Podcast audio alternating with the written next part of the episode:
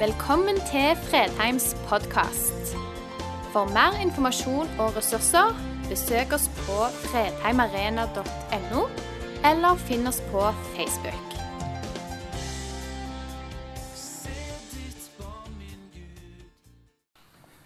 Jeg sa det til disse som var med og sang nå og skal i tjeneste i dag, at i dag blir det en litt sånn det blir en litt kjedelig tale i dag. Var ikke akkurat det ordet jeg brukte. Eh, men det handler om å legge et fundament som er sterkt nok, eh, godt nok til å vokse på.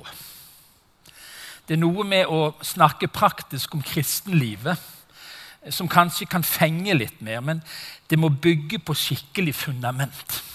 Og I dag er det litt sånn fundament, og så skal jeg ha tre undervisninger i mars hvor vi skal gå mer praktisk til verks på områder Gud ønsker vi skal vokse i vårt kristne liv. Og vi har sagt det, Kristen vekst handler først og fremst om å vokse djupere. For røtter som er planta lenger ned for å ta imot det Gud vil gi oss. Jeg er glad i gamle mennesker. Er ikke det nydelig? Har du sett et så fantastisk Det er levd liv. Eh, nå skal dere få to litt sånne vinklinger til dette med de gamle.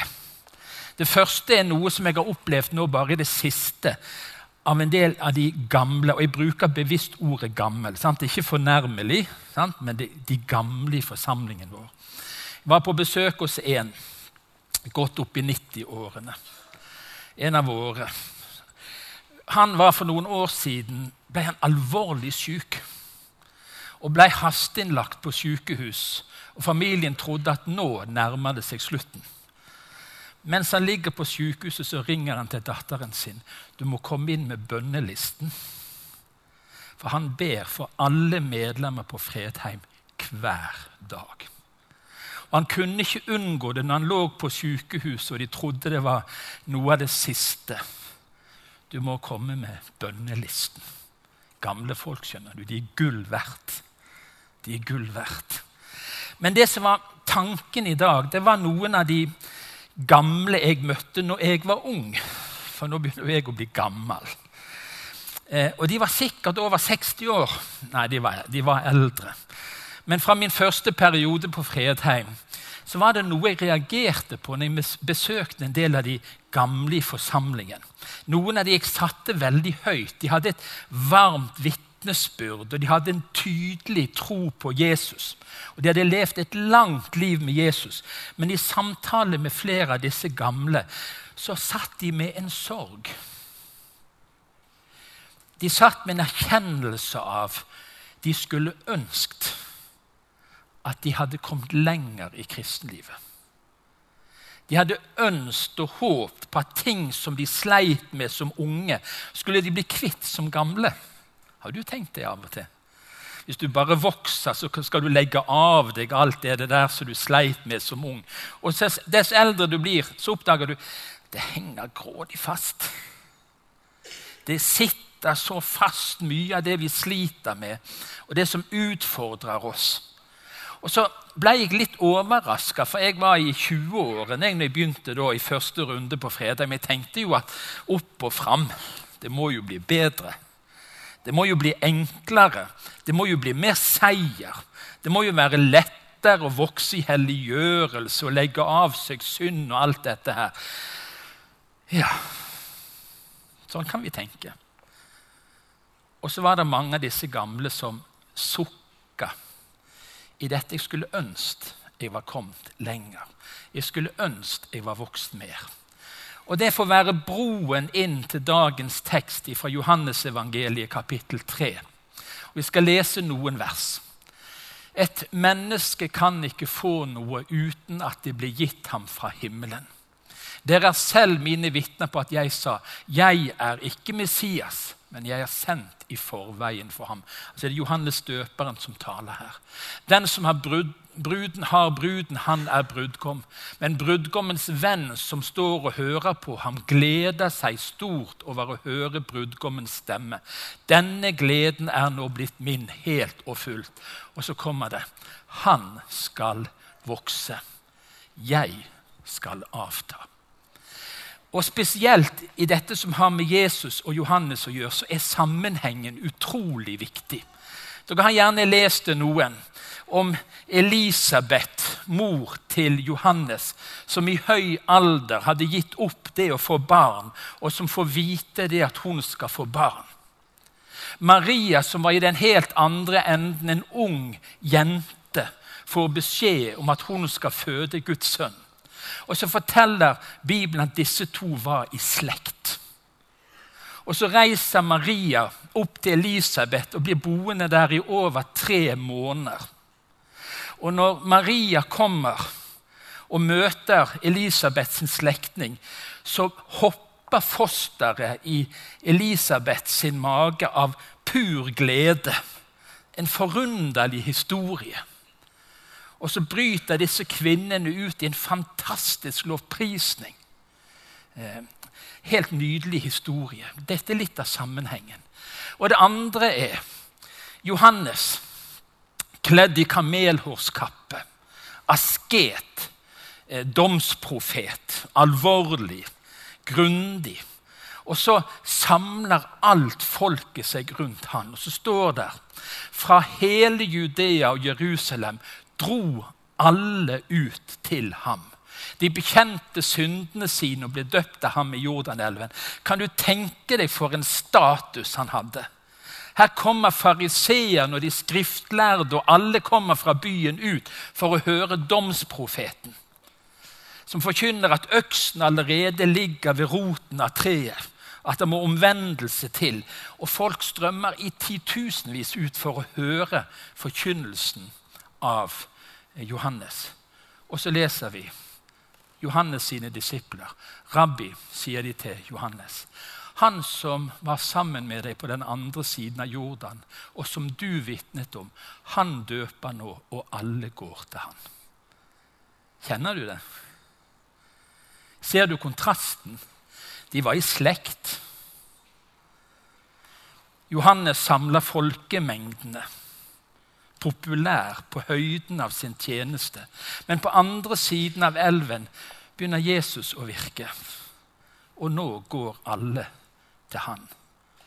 Og inn i denne sammenhengen er det at Johannes sier han skal vokse. Jeg skal avta. Et fantastisk vitnesbyrd om en som forstår sin plass.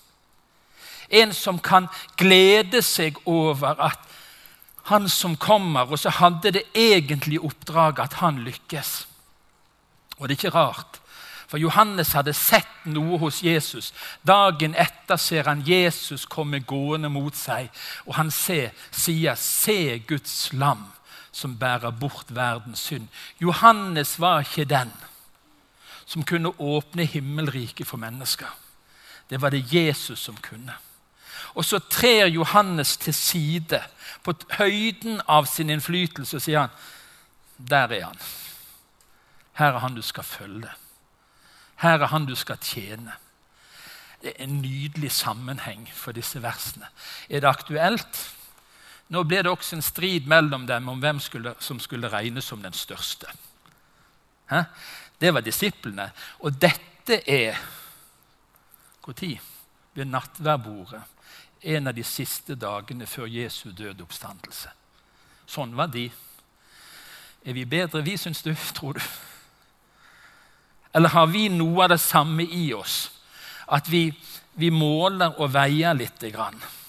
Og så kan vi snublende lett komme i fare for å oppvurdere oss sjøl og nedvurdere andre. Disiplene alltid krangler om det hvem som er den største. Og Da går vi til det som er hovedpunktet i det vi skal snakke om i dag. Hvordan får vi et sunt og sant åndelig sjølbilde? Åndelig sett, hva er det? Et lite jeg og en stor Jesus. Det er det sunneste åndelige sjølbildet du kan ha. Vi skal si litt om det. Andreas holdt en spennende preken her forrige søndag om ydmykhet. Og Det var ett sitat han brukte som bare Det sokk i meg, og jeg hørte et par sukk rundt meg der jeg satt, så det var andre enn meg som reagerte på det. Bernarda Clairvaux som sa 'Jeg er ingenting, men jeg er din'. Nydelig. Det er ikke farlig å kjenne seg åndelig sett i møte med den allmektige. Jeg er ingenting, men jeg er din. Jeg bare kjente hvordan det sitatet tok tak i meg og forklarte så mye av det som vi skal prøve å si noe om i dag. Og Vi har sunget det i generasjoner. Meg til frelse jeg intet vet. Uten deg, Guds lam. En i din rettferdighet skjules all min skam. Sånn sang vi det i, i den gamle sangboken. Og så er mange redd for at vi mister noe av dette i de nye sangene. Hørte dere, klarte dere å oversette den engelske teksten som dere sang nå før preken? Det var djup teologi. skal jeg si deg. Det var djup teologi. Og en av de nyere sangene 'Du ga meg alt'. All min skyld er betalt, mine synder blir båret av deg. Ord blir for små, hvem kan fullt ut forstå hvilken godhet du øste på meg? Gi meg Jesus bare Jesus. Jeg er ingenting, men jeg er din. Et åndelig sunt sjølbilde kan godt leve med den tanken at jeg er ikke noe særlig. Men Jesus er stor, og Jesus er alt, og Jesus er nok.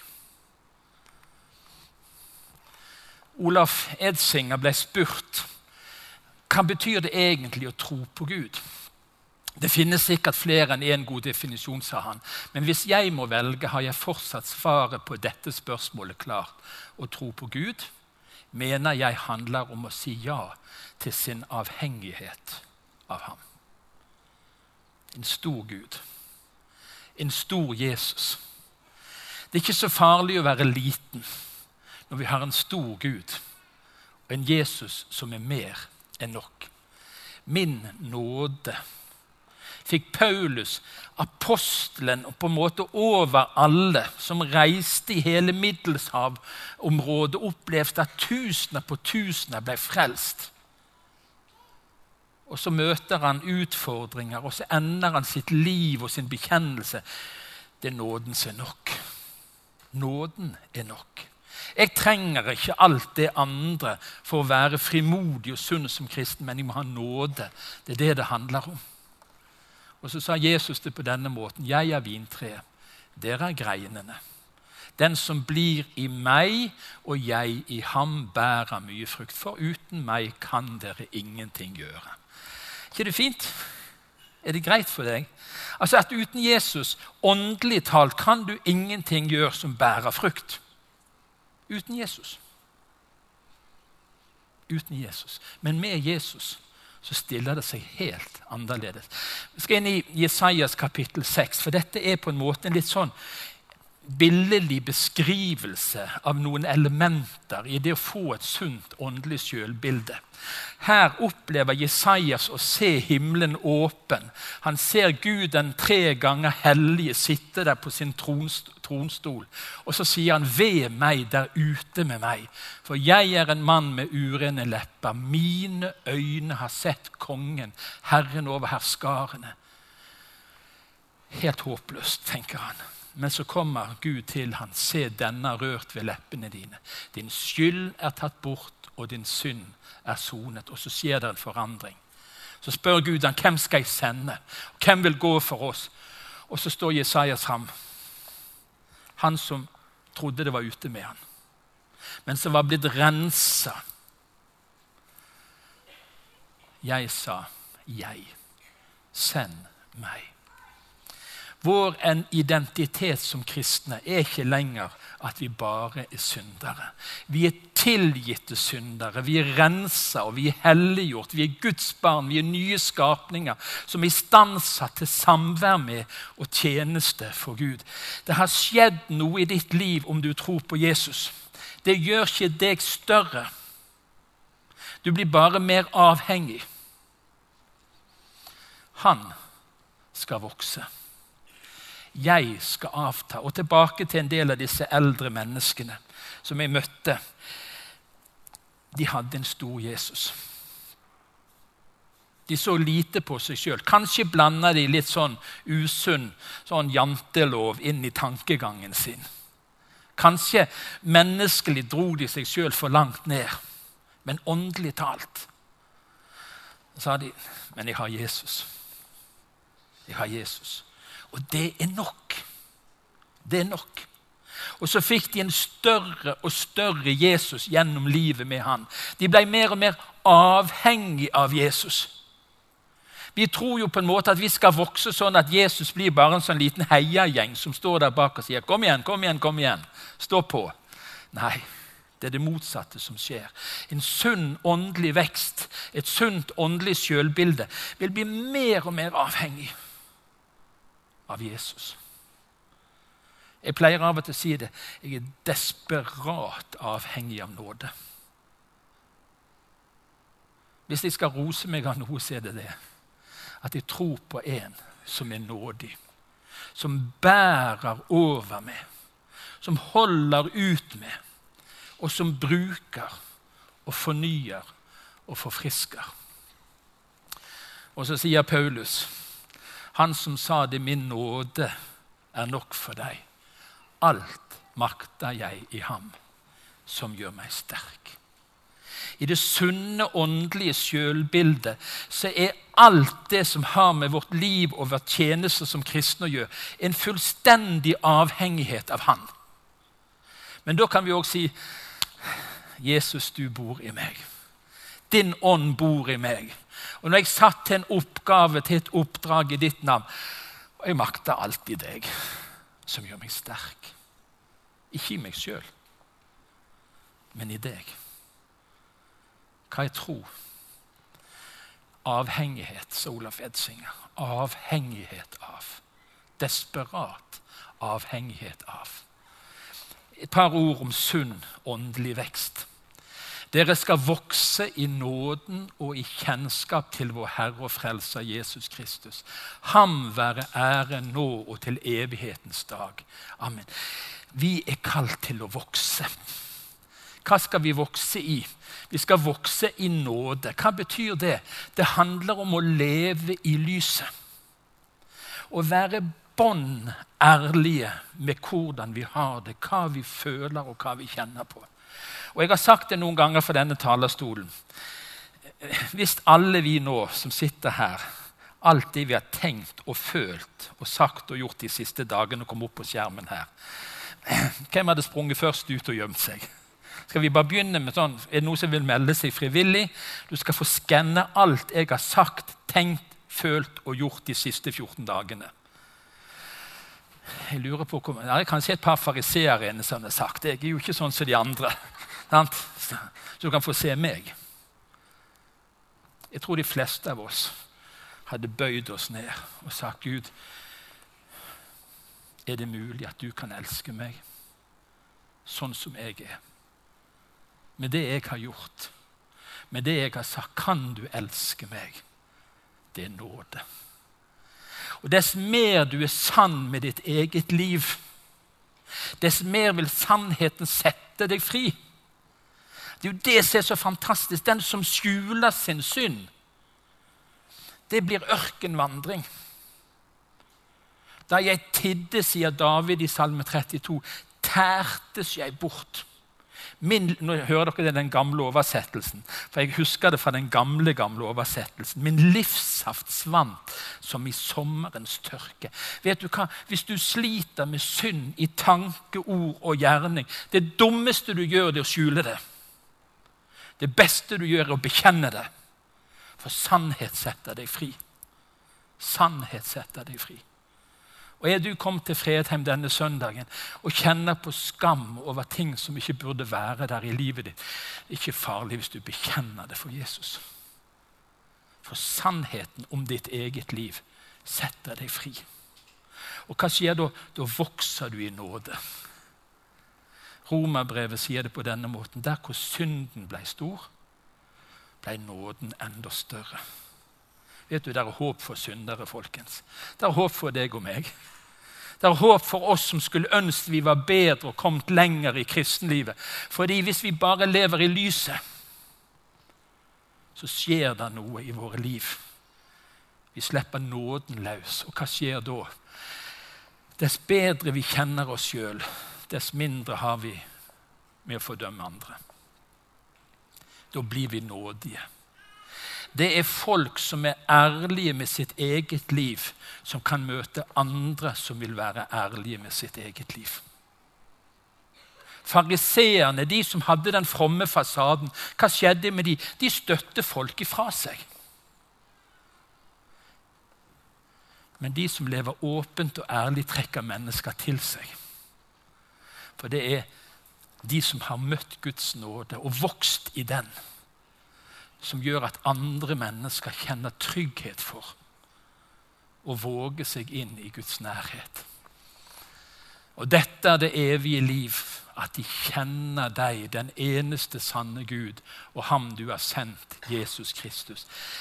Vekst i kjennskap. Tro, sier en, staves relasjon.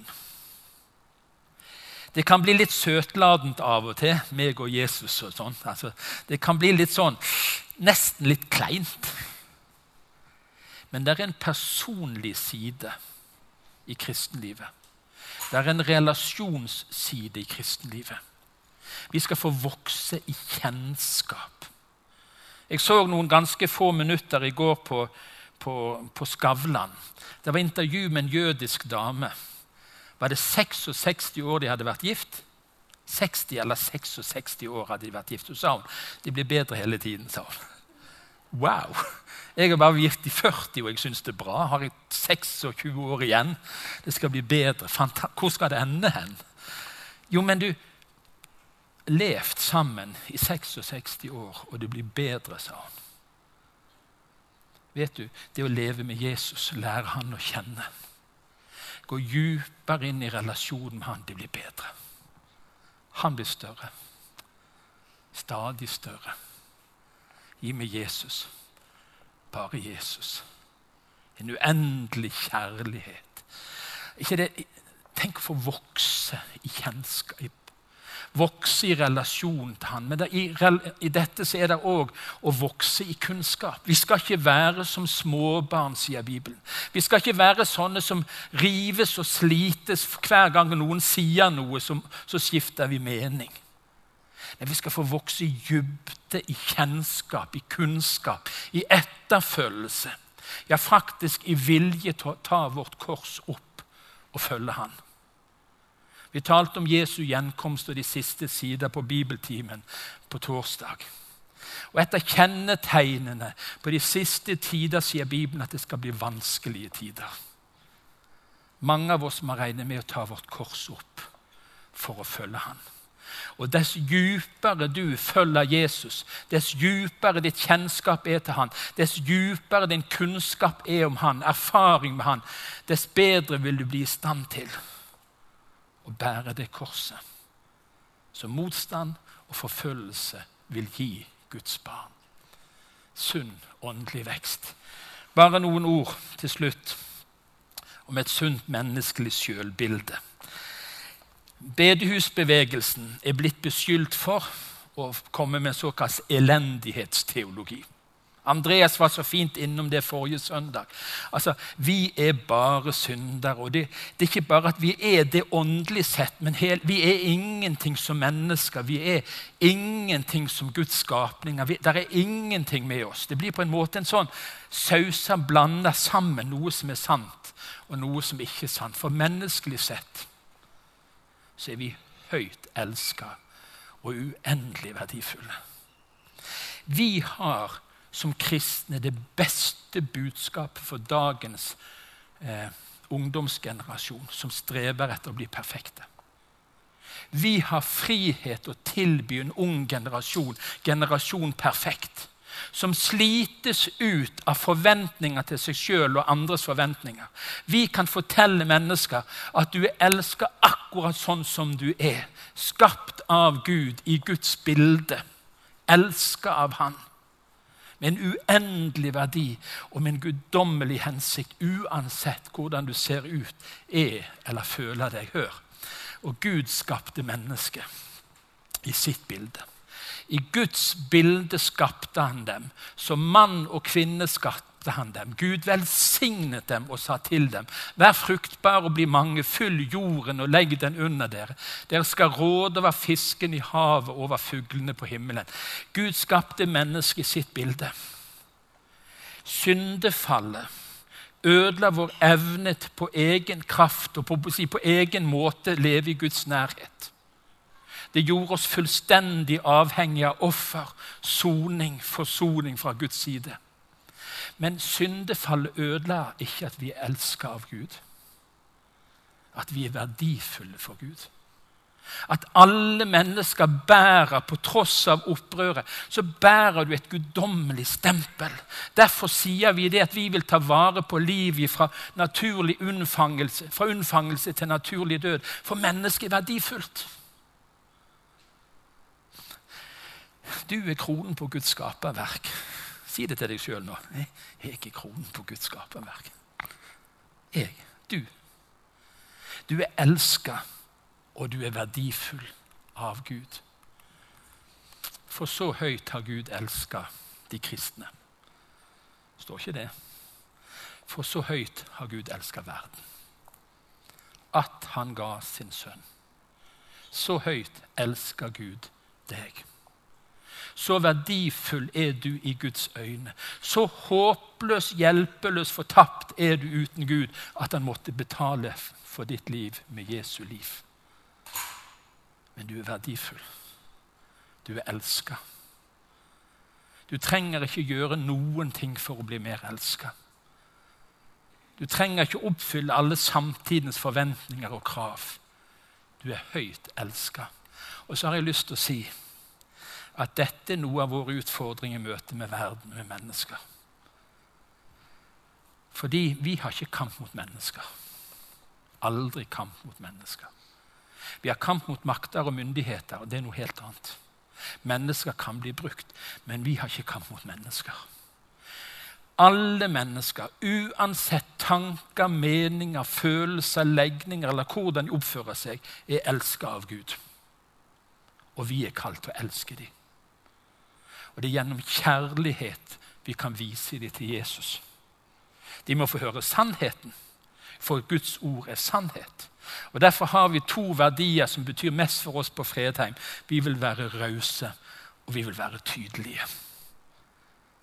Men vi skal møte mennesker med nåde. Fordi vi ble møtt med nåde. Og så skal vi møte mennesker med sannhet. For det er sannhet som setter fri. Det er sannhet som setter fri. Skal vi be sammen? Herre, vi ber. Som Johannes en gang sto fram og sa, 'Han skal vokse, jeg skal avta'. Vi sier som munken en gang sa, 'Jeg er ingenting, men jeg er din'. Og Det er ingenting større Jesus enn å få være din. Være elska være frelst, være Guds barn av nåde alene.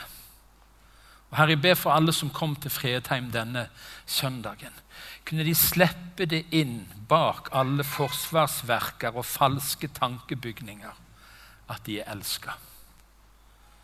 Men la de også slippe det inn, Herre, at ene i din rettferdighet skjules all min skam. Gi meg Jesus bare Jesus. Amen.